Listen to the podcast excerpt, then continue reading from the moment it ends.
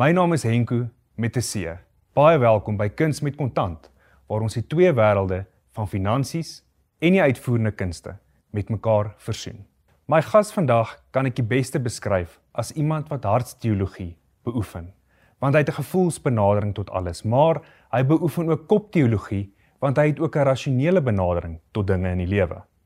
Deur die dag dra hy 'n pak klere en in die aand hou hy konsert. En dis 'n leefwyse waarmee ek kan vereenselwig. Koenie, baie welkom op Kuns met Kontant. Baie dankie. Ek is hier met een groot rede. Ek wil sien of hoor of leer hoe mens kuns met kontant kan versoen. Want op die oomblik is dit nie baie versoenbaar nie. Ons gaan dit vandag regkry, Koenie. En jy was vroeër in jou lewe die hoof van openbare aangeleenthede vir 'n baie groot goudmynmaatskappy. Ja. ja. Hou jy tred met wat die goudprys vandag is? Stel jy belang en moes jy destyds ja, in daai rol weet weet wat aangaan in die goudmyn? Nee, dit was dit was my job. So dit was dit was absoluut die die opdragwerk wat wat jy weet dit was my werksopdrag. Maar ek dink 'n ou kyk, jy weet as jy as jy beskeie aandele portefeulje dan kyk jy wat doen kommoditeite en jy weet veral nou met die oorlog met die inval in Oekraïne van Rusland dan sien 'n ou wat doen kommoditeite en is verstommend om te sien die oomblik is geld bewerig raak. Jy weet dan word goud net eenvoudig meer werd want dit is 'n ekstrinsieke ding wat jy aan kan vashou. Maar ja, ek ek kyk wat gebeur. Hoe diversifiseer jy jou persoonlike beleggings in terme van kommoditeite, dalk aandele en ek ek vra jy spesifiek want jy's baie goed daarmee om jou musiek baie divers te hou. Ek hmm. ek weet daar's byvoorbeeld 'n liedjie waar jy al lê die berge nog so blou is so divers opgeneem dat jy selfs die koortjie in Maori ja. van uit Nieu-Seeland die Hakka ingewerk. Mm. Dis so divers. Lyk jou persoonlike portefeulje ook so? Wel jy's 'n beleggingskenner en ek dink een van die dinge wat 'n ou moet doen is jy moet 'n diverse portefeulje hê. Die een goue reël en ek kan dit absoluut aanbeveel is kry 'n baie goeie finansiële adviseur en luister na hulle. Maak seker jy weet genoeg om vrae te vra wat min of meer sin maak en luister na hulle. So eh, diversifikasie is belangrik. Jy weet jy sit sê ou storie van jy sit nie al jou eiers in een mandjie nie. Jy sit ook nie al jou eiers in een mandjie in een land nie. En uh, so jy doen jy jy weet jou sogenaamde offshore beleggings en dan het jy nou 'n bietjie hier by die huis. En dan hoop jy vir die beste. Maar as jy nie 'n kundige is nie, moet dit nie self probeer doen nie en luister en en maak 'n punt daarvan. Janie Mouton van PSG. Ja, ja. Hy het 'n boek gepubliseer baie jare gelede met die titel Into Fire hulle my. Mm en hy noem jou in die boek. En ek wil graag vir jou sê wat hy sê en dit gaan alsoos die Karoo. Hy het 'n baie groot liefde vir die Groot Karoo. En ek weet jy het 'n baie groot liefde onder andere vir die Karoo en spesifiek die Klein Karoo. En hy sê op bladsy albei Karoo's. Albei en hy en hy sê op bladsy 13 van sy boek en to ja. fire hulle my sê hy maar saam met Koenie de Villiers sing ek nog nie oor die Klein Karoo nie. Hy raak geografies 'n bietjie deurmekaar as hy die veld se nuwe jaar en die hand aan bysleep. Hoe interpreteer jy dit? ek dink een, dis 'n baie groot kompliment dat Janie Menton enigstens weet ek bestaan. En hy's absoluut reg. Hy hy verwys na seker die bekendste ding wat ek ooit geskryf het. Siletjie Karoo nag wat so rykie katbos en kambrood daai holrige ry ou perd. En hy's absoluut korrek. Maar daar's 'n storie by wat ek ter verdediging kan vertel. Ek het gegaan vir 'n audisie vir die Vrystaatse Jeugkoor toe ek 17 was in standaard 9. En ek het entoesiasties die audisie afgelê en toe gedop en toe gaan ek huis toe en ek was absoluut verpletter. Ek besef toe my my loopbaan is oor voor dit nog begin het. Maar daai middag na die audisie het ek Karona geskryf. So ek was 17. Ek het nie idee gehad wat ek skryf nie. Dit was maar net woorde wat gepas het. En jare daarna toe dit nou bekend word en die werk word gebundel en mense begin skryf daaroor het onder andere Henny Oukamp uh, die wonderlike skrywer en 'n mentor van my het op sy baie mooi manier eendag vir my gesê kon jy besef natuurlik dat baie eintlik almal maar baie van jou verwysings in die lied Karona is nie korrek nie. Toe sê ek ja maar wat gaan ons nou doen? Dit jy weet dit word gebundel moet ons dit nou reg verander of wat ook al dan weet niemand wat aangaan nie. Ja. So nee, Jannie is absoluut reg, maar as hy 'n gevoete daai het gekry het, is ek baie bly. Ja. In 2009 mm. in Oostenryk het jy 'n opera met die naam van Maximilian. Ja. op die planke. Ja. Vertel my hoe gebeur so iets en dan is ek nuuskierig om te weet hoe werk 'n mens se begroting vir 'n opera uit? O, die tweede vraag, eerste, baie sleg. Dis ontsettend duur. Ek dink nie mense dis duurder om 'n opera op die planke te sit as om 'n land binne te val. Vra Vladimir Putin. Daar's 'n groot orkes en 'n groot koor en almal wat kan sing.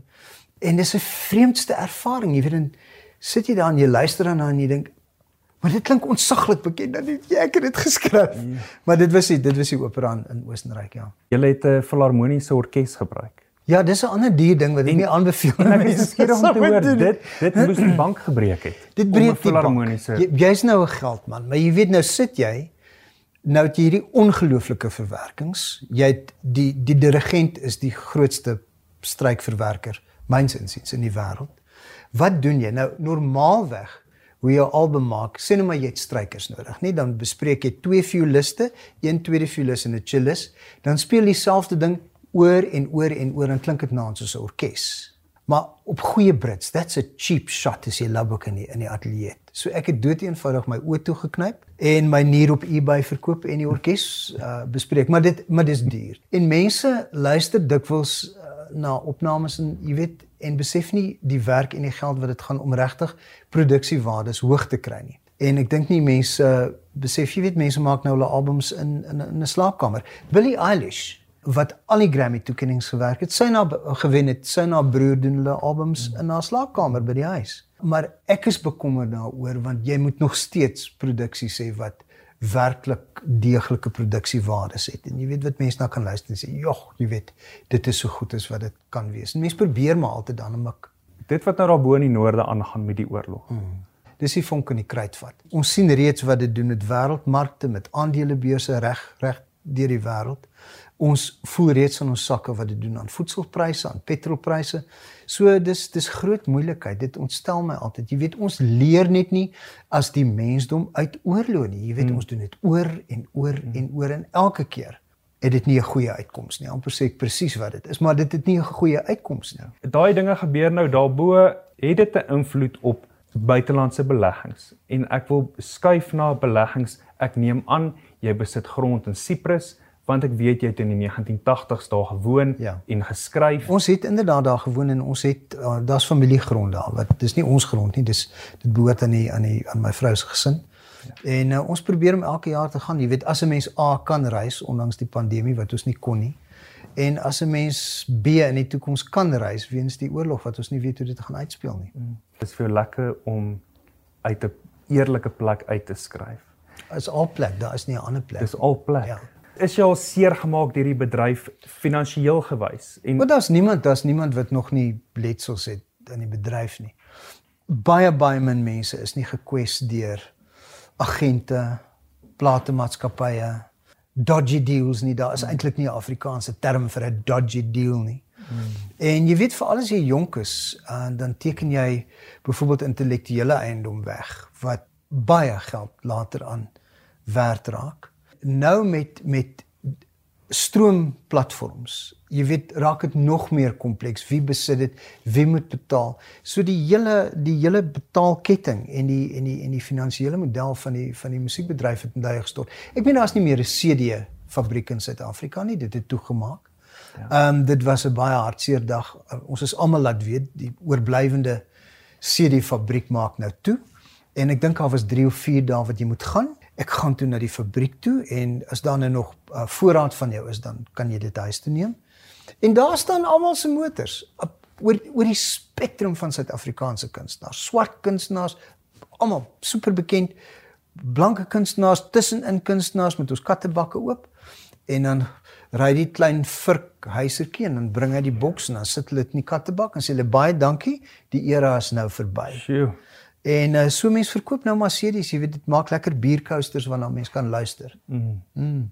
Toe jy 'n kind was, mm. hoe het jy groot geword met geld? Ehm um, ek het 'n baie beskeie, baie groot geword in die Vrystaat. En ek moet in dieselfde asem sê, daar was nooit brood gebruik nie, daar was nooit kos gebruik nie. Ek het altyd skoene gehad.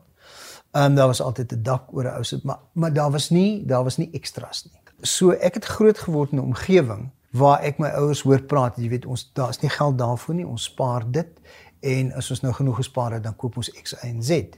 So dis nie vir my vreemd nie. Maar jy moet onthou dit was donkies jare gelede die wêreld nou is uh, is 'n heeltemal 'n ander wêreld. Geld werk anders. 'n Handelsnaam wat baie waarde het, mm. is die handelsnaam Connie de Villiers. En hoekom ek dit sê is dis baie interessant as 'n mens gaan kyk, selfs agter jou naam sal jy of die klein letter R sien mm. vir registered trademark mm. of TM vir trademark. Mm. Dis 'n handelsnaam wat jy oor dekades lank gebou het, maar baie dit, tyd en moeite in belê het. Dis wat gebeur terwyl jy werk.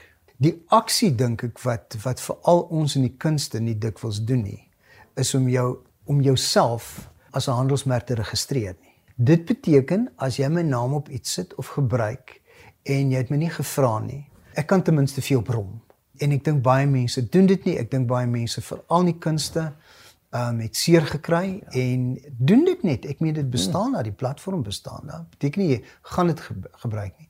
Ek dink ek het dit in my lewe twee keer gebruik. Maar as jy dit moet gebruik, het jy dit. Sit tog maar eers 'n nes eier weg. As jy ooit daai les geleer het op die harde manier, is dit met die pandemie. Jy weet, um soveel dierbare vriende in die in die bedryf en kollegas het reg almal van ons het swaar gekry. Dit maak nie saak wat jy jy hoef ook nie in die kunste te wees om swaar te kry nie. Dit was net 'n baie baie tawwe jaar of 2. Baie van die mense wat ek ken en die hoogste respek vir het, het ateljee's verloor, het hulle huise verloor, het hulle motors verloor. En om 'n jaar, 'n jaar en 'n half te oorleef sonder inkomste, moet jy erns 'n nes hê. Dit is so eenvoudig soos dit. So ek het ruk terug met 'n wonderlike hoogs suksesvolle opkomende kunstenaar, ook nie meer opkomend nie. Net gepraat en gesê, jy weet wat, jy verdien soveel geld op die oomblik as voor Covid.